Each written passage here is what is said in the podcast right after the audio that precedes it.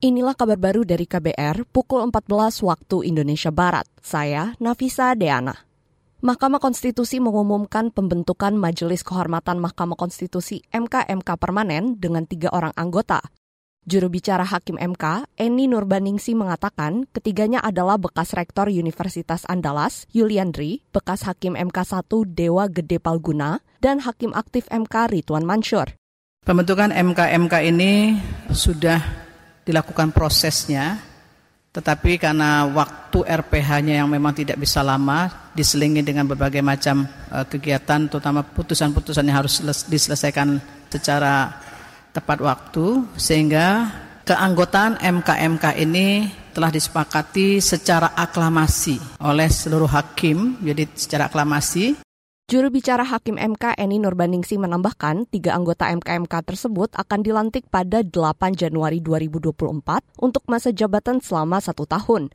Sebelumnya, Mahkamah Kehormatan MK atau MKMK dibentuk untuk menindaklanjuti laporan terkait pelanggaran etik hakim. Teranyar, MKMK memutus perkara dugaan etik soal putusan syarat batas usia capres dan cawapres. Kita ke berita lain, saudara.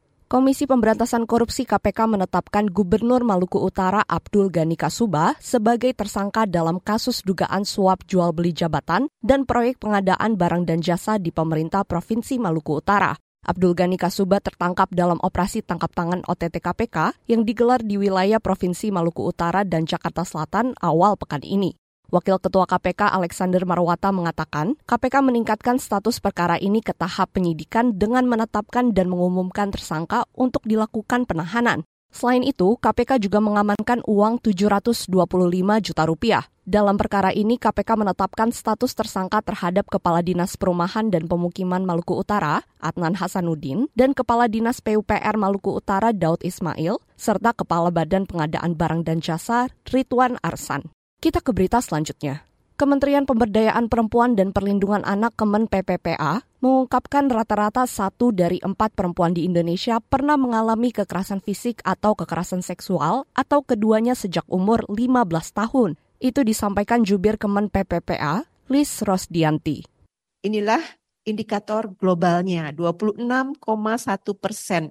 Jadi perempuan yang mengalami kekerasan fisik dan atau seksual, siapa pun pelakunya, baik pasangan maupun bukan pasangan, selama hidup. Itulah indikator global yang 26,1 persen.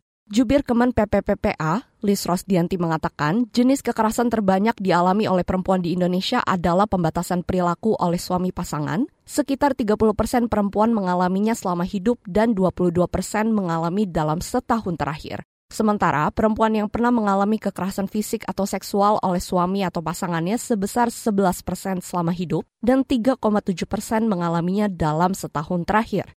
Demikian kabar baru dari KBR, saya Nafisa Deana.